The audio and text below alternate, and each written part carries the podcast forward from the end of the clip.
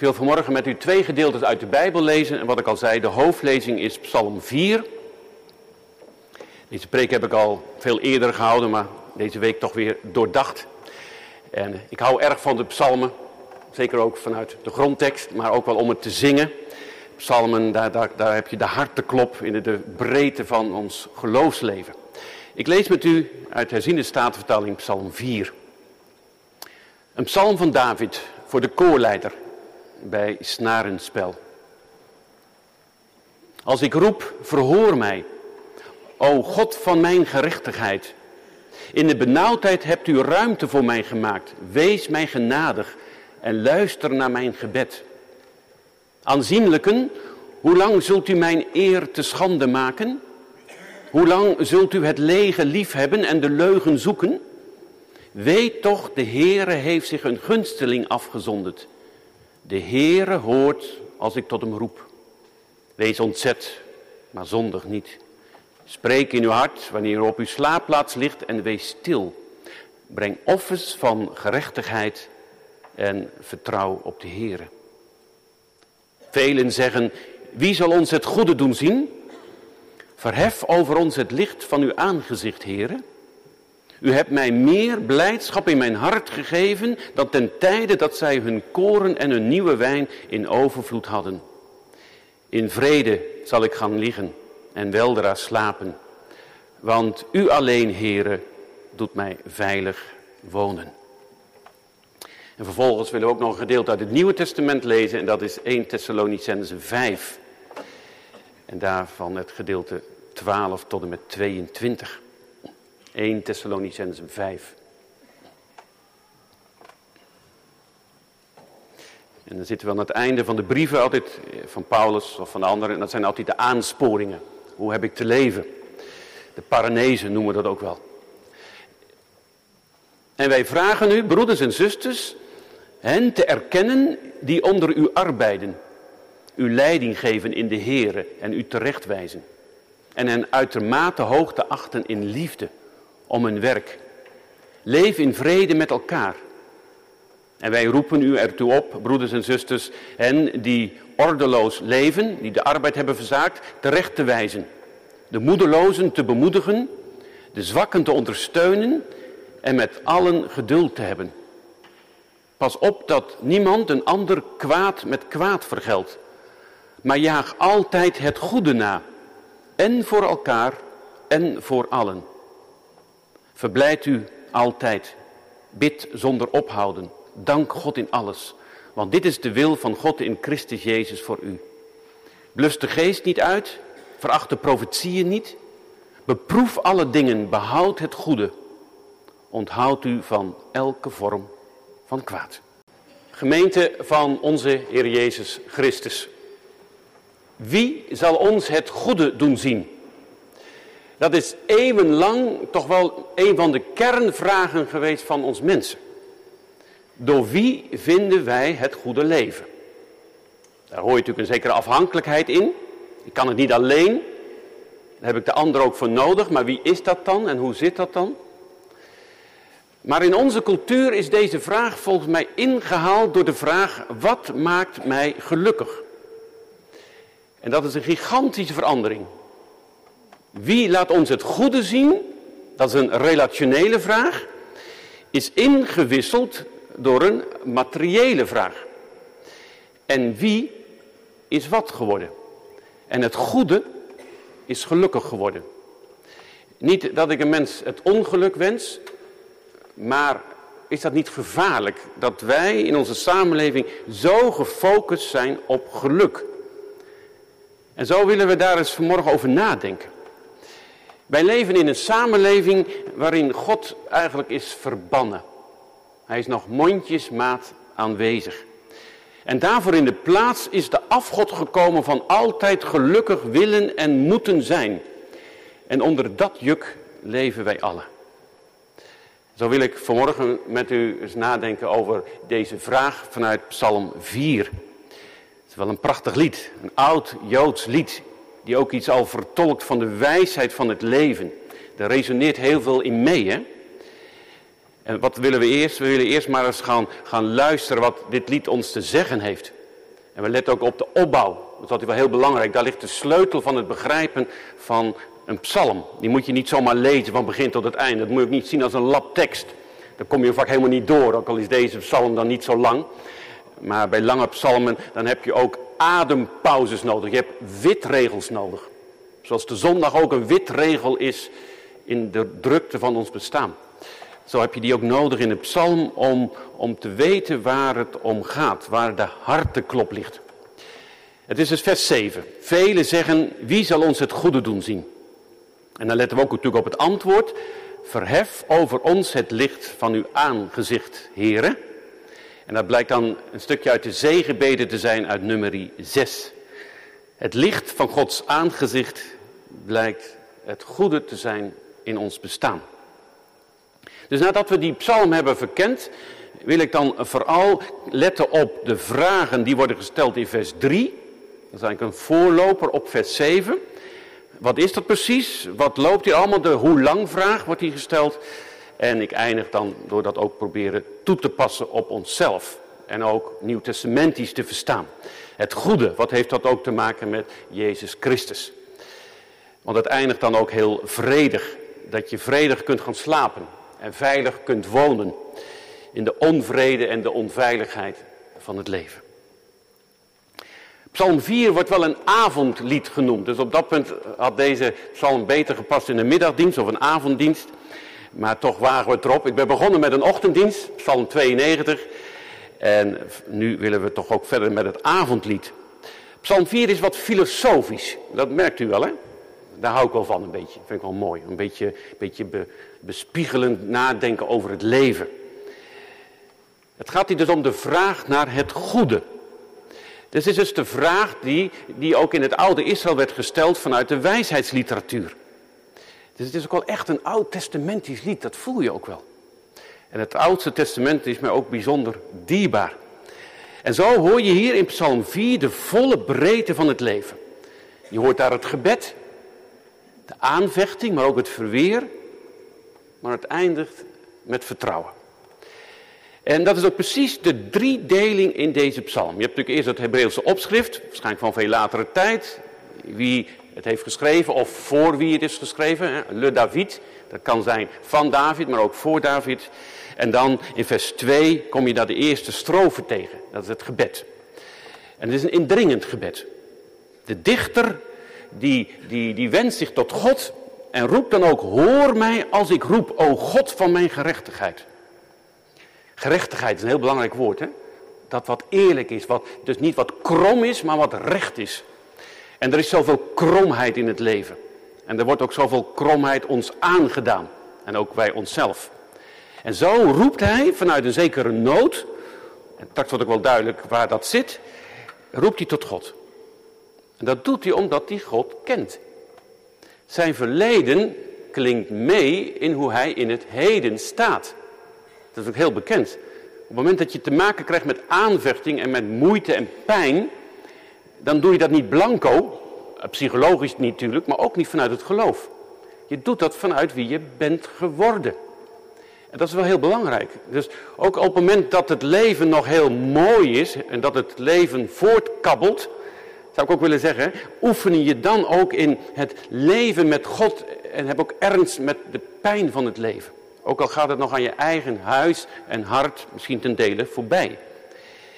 Want het neem je wel mee op het moment dat daar wel het gebed komt en de roep. En dat gebeurt dus hier. En dan de tweede strofe, dat is vers 3 tot en met 6. Dat aanvechting en verweer. Er zijn tegenstanders en dat zijn de aanzienlijken. Nou, dan voel je het al, dat die hebben net wat meer in de melk te brokkelen dan jij.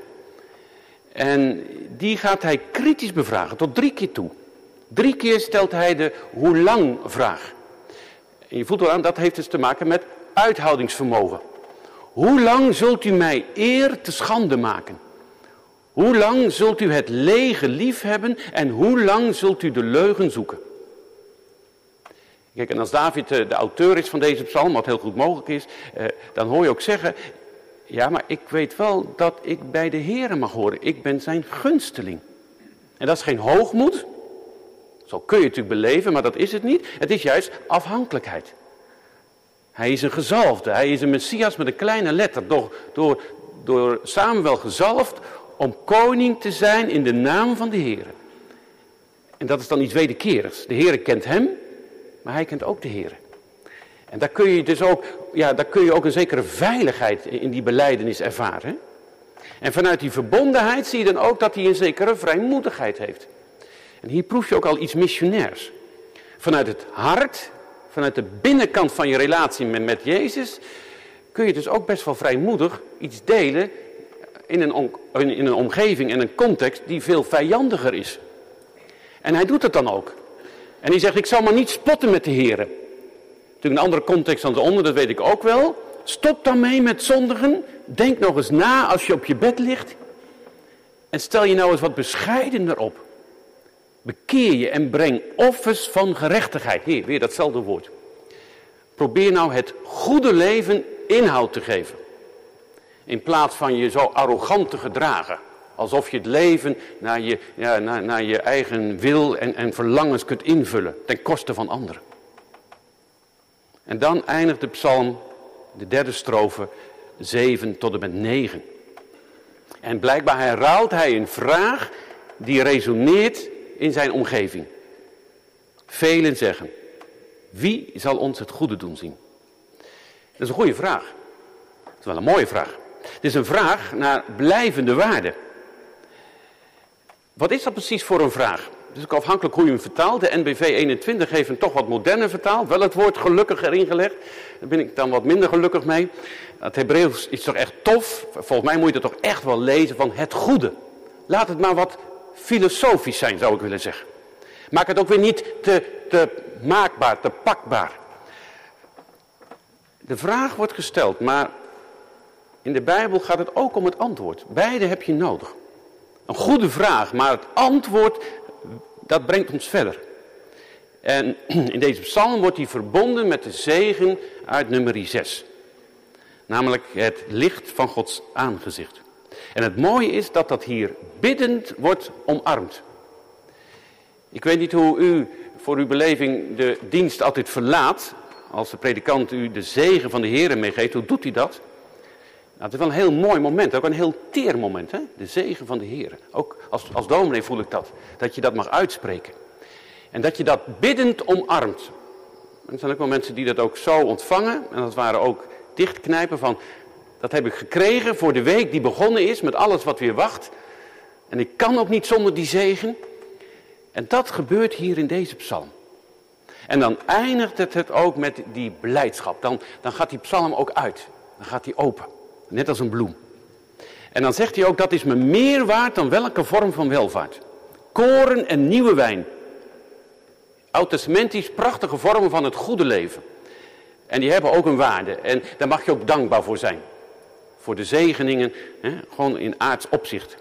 Maar deze psalm gaat verder. Het is hem uiteindelijk niet om de gaven, maar om de gever. Daar gaat het hem om. En dat brengt dan ook vrede in zijn hart en veiligheid. Hij durft te gaan slapen. Ook al staat dat gebed, dat in vers 2 staat, nog steeds recht overeind. Het is dus niet zo van, het zit erop, hè, we hebben het overleefd, dus nu ga ik weer lekker slapen.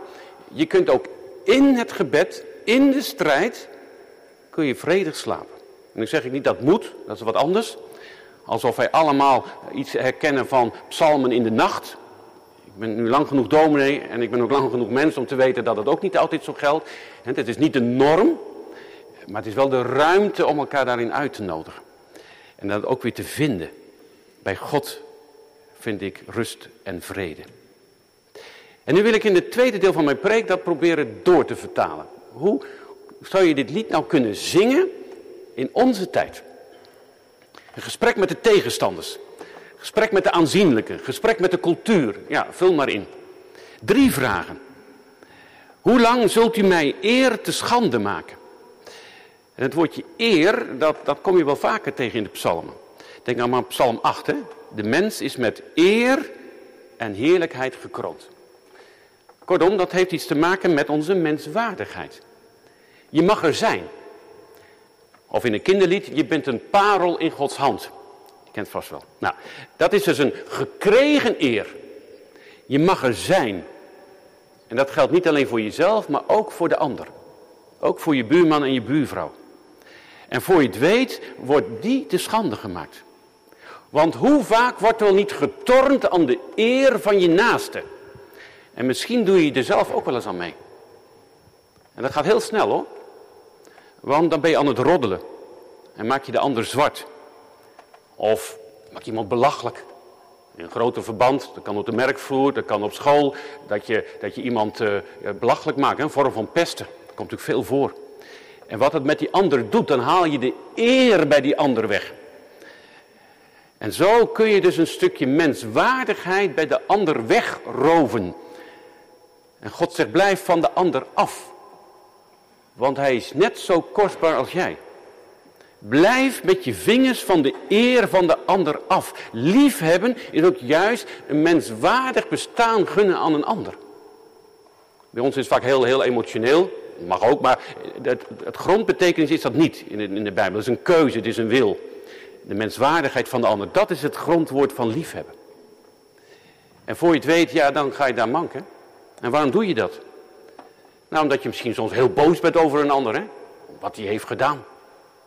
Mens onwaardig. Nou, dat kan soms, dat weet ik. Maar voor je het weet, hè, zit er ook een soort verborgen mechanisme in, hè? Als je de ander een beetje afkraakt, niet te veel, maar wel een beetje. En dan kan je het bekende hefboomeffect van het natuurkunde, ken je dat natuurlijk wel. En als je de ene naar beneden afkraakt, dan ga ik vanzelf een stukje omhoog. Want ja, ik doe dat niet. En, en zo ben je soms heel geraffineerd. En misschien heb je het geen door van jezelf, hoe geraffineerd je bent. Om te tornen aan de eer van de ander. Hoe lang? Doe het niet. Paulus zegt dat ook in 1 Thessalonicense 5. Pas op dat niemand een ander kwaad met kwaad vergeldt. Maar jaag altijd het goede na.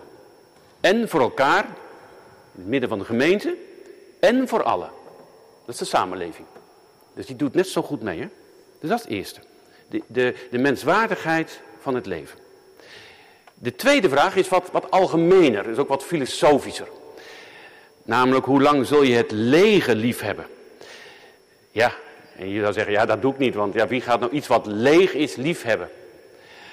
Iets wat leeg is, iets wat geen waarde heeft, dan moet je ook niet te veel tijd insteken. Dat doe je niet als een beetje weldenkend mens dan. Uh, je houdt je alleen bezig met dingen die betekenis hebben. Dat denken we dan, hè. Maar het kon wel eens tegenvallen. Dat wij ons zo druk maken in ons leven om allerlei dingen die uiteindelijk toch helemaal niet zo betekenisvol zijn. Die misschien wel leeg zijn. En dit is een vraag die ook vraagt om zelfreflectie. Het is ook een vraag die, die ook, ook iets heeft van terug durven blikken. Kijk nou eens naar je leven. Waar, waar ben je nou het afgelopen jaar mee bezig geweest?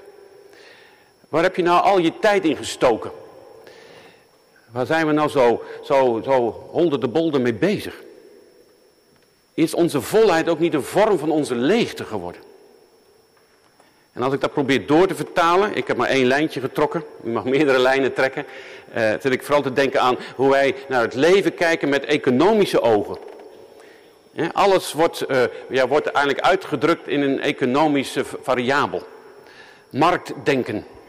Nou, dat werkt door tot in alles. Hè?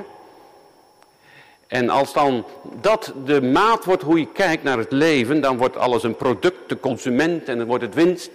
En wordt het om vertrouwen. En dan kijken we natuurlijk nog even naar de, de koersen en ga zo maar door. En dat is precies wat hier dan gebeurt. De wie-vraag wordt een wat-vraag. En als je niet oppast, wordt de ander ook nog een wat. Want dat is dan in het verlengde van mijn winst die ik moet maken. Ons marktdenken is natuurlijk niet zo christelijk, laten we heel eerlijk zijn. Kijk, met het uh, uh, communisme hebben we natuurlijk grote moeite gehad, dat begrijp ik. Maar dat wil niet zeggen dat het kapitalisme zo geweldig is. Ik kan er nog niet zo heel blij van worden. Want het gaat hier wel om het recht van de sterkste. Die wint het. En de rijken worden rijker. En de armen? En dat is dan precies, dan komt er een leegte. En ook weer die eer, die resoneert daarin mee. En dat is een hele zoektocht. Op zoek gaan naar de betekenis van het leven, ook voor de ander. En die derde vraag, die gaat ook over de hoe lang. En dan gaat het om de leugen. Dat het lege wordt ontmaskerd. dat, dat, dat de leugen niet langer zal regeren. Want de leugen maakt de samenleving stuk. Dat heeft ook weer te maken met die gerechtigheid, eerlijkheid. Eerlijkheid duurt het langst. Daar geloof ik zeker in, zeker in je hart met God. Maar in de samenleving betwijfel ik het. Want mensen kunnen het verschoppen hoor. Ze kunnen heel lang op het pad van de leugen gaan. En waarom doe je dat? Ja, omdat het ook economische voordelen op zal leveren. En het is ook een schok. Als je iemand vertrouwt en die blijkt op een bepaald aspect van zijn leven onbetrouwbaar te zijn. Dat komt keihard binnen, vind ik altijd. Dat je denkt, op dat punt heb je ons voor de gek gehouden. Ben je een leugenaar. De leugen is de loopjongen van ons verborgen verlangen naar geld, macht en geluk. Koste wat het kost. Kortom, hier hebben we de vragen vanuit deze psalm proberen door te vertalen naar ons leven. En zo kom ik uit bij de vervolgvraag in vers 7. Wie zal ons het goede doen zien? Nou, we hebben al drie antwoorden gekregen wat niet goed is. Zullen wij het goede ontmoeten door middel van de hoogmoed van de aanzienlijken? Door de economie van nooit genoeg? Door de leugen die op een geraffineerde wijze ons voordeel moet opleveren? Nee, zegt deze psalm. Daar ligt het niet. Maar wat dan wel? Nee, wie dan wel? Wie zal ons het goede doen zien? En dan zegt de psalm, verhef over ons het licht van uw aangezicht, heren. Het is het licht van onze God. Die licht geeft op ons leven, op ons levenspad. En hoe wij omgaan met de ander en met het leven en met de waarheid. Het is dus de zegen waar je het van moet hebben. Dat is een belijdenis en een gebed tegelijk. Wat ik al zei, hè, dat is vanuit nummer 6, de Aaronitische zegen. Een hele mooie zegen. En dat mag je natuurlijk ook verbinden met het Nieuwe Testament, met de Nieuwtestamentische zegen. En dan, dan, dan wordt het ook werkelijkheid in Jezus Christus. Hij is het licht, zegt eh, de apostel Johannes. Hij is het waarachtig licht dat in de wereld is gekomen en ieder mens verlicht. Wie zal ons het goede doen zien? Dan kom ik uiteindelijk uit bij Jezus Christus, de goede herder. Het brood des levens en het licht voor de mensen. Bij hem vind ik blijvende vreugde, blijvende blijdschap, meer dan welke vorm van welvaart ook. En zo, zo wordt deze psalm ook een, ja, een heel teer lied, zou ik willen zeggen.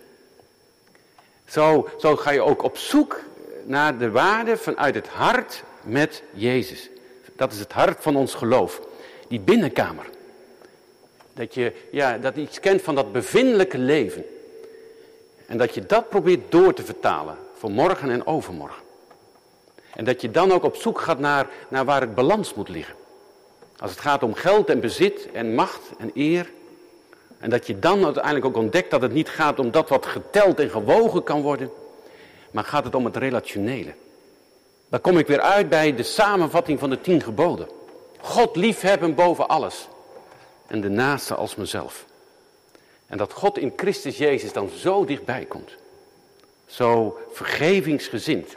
Want die hoe lang vragen, die resoneren toch ook in ons bestaan. En misschien mag je wel zeggen dat Heer Jezus die vraag ook aan ons stelt vanmorgen. Hoe lang nog? Hoe lang nog ben je bezig met dat eeroverij, met die leegte en met die leugen? Stop daar nou eens mee. En zoek het bij mij. Want ik geef je het goede. Dus dat is die binnenkant. Die is dus heel teer. En daar moet je altijd ook heel veel ja, tijd in steken, zou ik willen zeggen. Wees zuinig op je stille tijd. Maar ik wil hem tot slot toch ook wel naar buiten toe vertalen. En zo kwam ik uit bij een boekje van Dirk de Wachter. Je kunt het waarschijnlijk niet zien, hè? de afstand is te groot, maar ik neem nog alles een boekje mee in Leiden. En dit boekje, ik zal het gewoon voorlezen, van Dirk de Wachter, psychiater uit uh, Leuven, hoogleraar. En dit boekje heet De kunst van het ongelukkig zijn. En het is nu drie jaar oud alweer. En hij is daar heel veel mee bezig. En hij zegt, hè, de moderne samenleving die, die wordt ongelukkig omdat hij zo gelukkig wil zijn. Dus dat is iets paradoxaals van ons bestaan. Op de achterkant schrijft hij dat dan ook. Hij zegt, streven naar geluk als levensdoel is een vergissing. Streven naar zin en betekenis daarentegen is waar het leven om draait. Dat vond ik wel heel mooi. zin en betekenis, het goede. Dat is een andere vraag dan gelukkig. En zo wil ik dat ook doorvertalen. Hoe gelukkig ben je eigenlijk? Hoe goed zit je in je vel? Nou, als ik kijk naar de huisbezoeken die ik afleg, en meestal kom ik natuurlijk daar waar, ja, waar natuurlijk ook zorgen zijn. Bij hele gelukkige mensen kom ik niet zo snel, ja, of er moet een kind geboren zijn. Maar, dus ik zie meer de moeilijke kant van de gemeente dan de mooie kant. Ja, ik zie de mooie kant wel, maar als het gaat om wat je zelf beleeft. Maar er zijn wel heel wat mensen die ermee toppen. Ook, ook de jongeren en, en de, de jongvolwassenen, de millennials. Hè? Omdat we zo graag dat geluk willen pakken en zoeken en net niet kunnen vinden. En de lat zo hoog leggen. En dan vanochtend misschien wel worden wakker geschud. En niet voor het eerst hoor, want zo origineel is het niet wat ik zeg. Maar ik denk wel vanuit het woord zo wezenlijk. Zoek niet naar het geluk, maar zoek naar het goede. Naar het goede leven. En dat is echt iets anders. Want in het goede zit een roeping. Zit iets relationeels. Daar is het niet alleen maar ik en mijn leven en mijn geluk en mijn vakantie. En welke maaltijd ik krijg in het hotel waar ik naartoe ga enzovoort. Maar dan krijgt het een hele andere lading. Het goede. Maar hoe doe je dat dan? En zo kwam ik uit bij de Frans-Joodse filosoof Emmanuel Levinas. En Dirk de Wachter die is nogal een fan van, uh, van Levinas. Ik een beetje, ik vind hem erg ingewikkeld. Maar hij zegt wel hele mooie dingen over ons mens zijn. En ik wil een klein citaat nog weer voorlezen uit een geschrift van hem. En dan heeft het vaak over de kleine goedheid. Nou heb je het alweer. Hoe vertaal ik het nou door, hè? naar morgen en overmorgen? En dan zegt Levinas, de kleine goedheid is de goedheid van de nederige mens. Die in het besef van zijn eindigheid zijn hoogmoed achter zich heeft gelaten en spaarzaam hulp biedt. Ze kent haar beperkte plaats, maar maakt van haar bescheidenheid ook geen nieuwe orthodoxie. De kleine goedheid kiest voor een partiële, voorlopige, maar reële daad van barmhartigheid tegenover de unieke ander. En als ik zoiets lees, dan word ik, dan word ik er wel blij van. Zo mag ik mens zijn. Ik hoef niet heel de wereld op mijn schouders te nemen. En ervoor zorgen dat het helemaal goed gaat in een stad als, als Leiden of, Gouda. Maar, maar dat je in het kleine je geroepen weet om het goed te doen. En dat doe je dan ook biddend. Daar hoort het gebed dus ook bij. Hè? En ik hoop ook dan dat je de dag dan begint. Ook op maandag en dinsdagochtend. Dat je de dag aan de Heer opdraagt. En ook bid voor je collega's. En voor de mensen die je die dag mag ontmoeten. Mag ik het goede doen in de naam van Jezus. En dat is precies ook wat Paulus zegt. Hè? Beproef alle dingen. Ga midden in die cultuur staan. Maar behoud het goede. En onthoud u van elke vorm van kwaad. En dat is een hele opdracht. En daar heb je ook altijd weer de zondag voor nodig. Ook de dag om samen ook te beleiden waar het niet goed ging. En deze psalm, ik ga ook eindigen hoor, is dat het dan ook uiteindelijk, dat je het goede ook al mag zien, al is het altijd ten dele. En ook mag ervaren. De onzichtbare God van Israël, de Vader van onze Heer Jezus Christus. Hij wil zegenend aanwezig zijn in het midden van de gemeente. En vanuit die gemeente ook in de samenleving.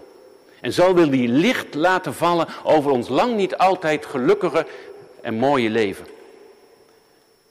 Maar vanochtend gaan we niet naar huis met een opdracht, u moet gelukkig zijn.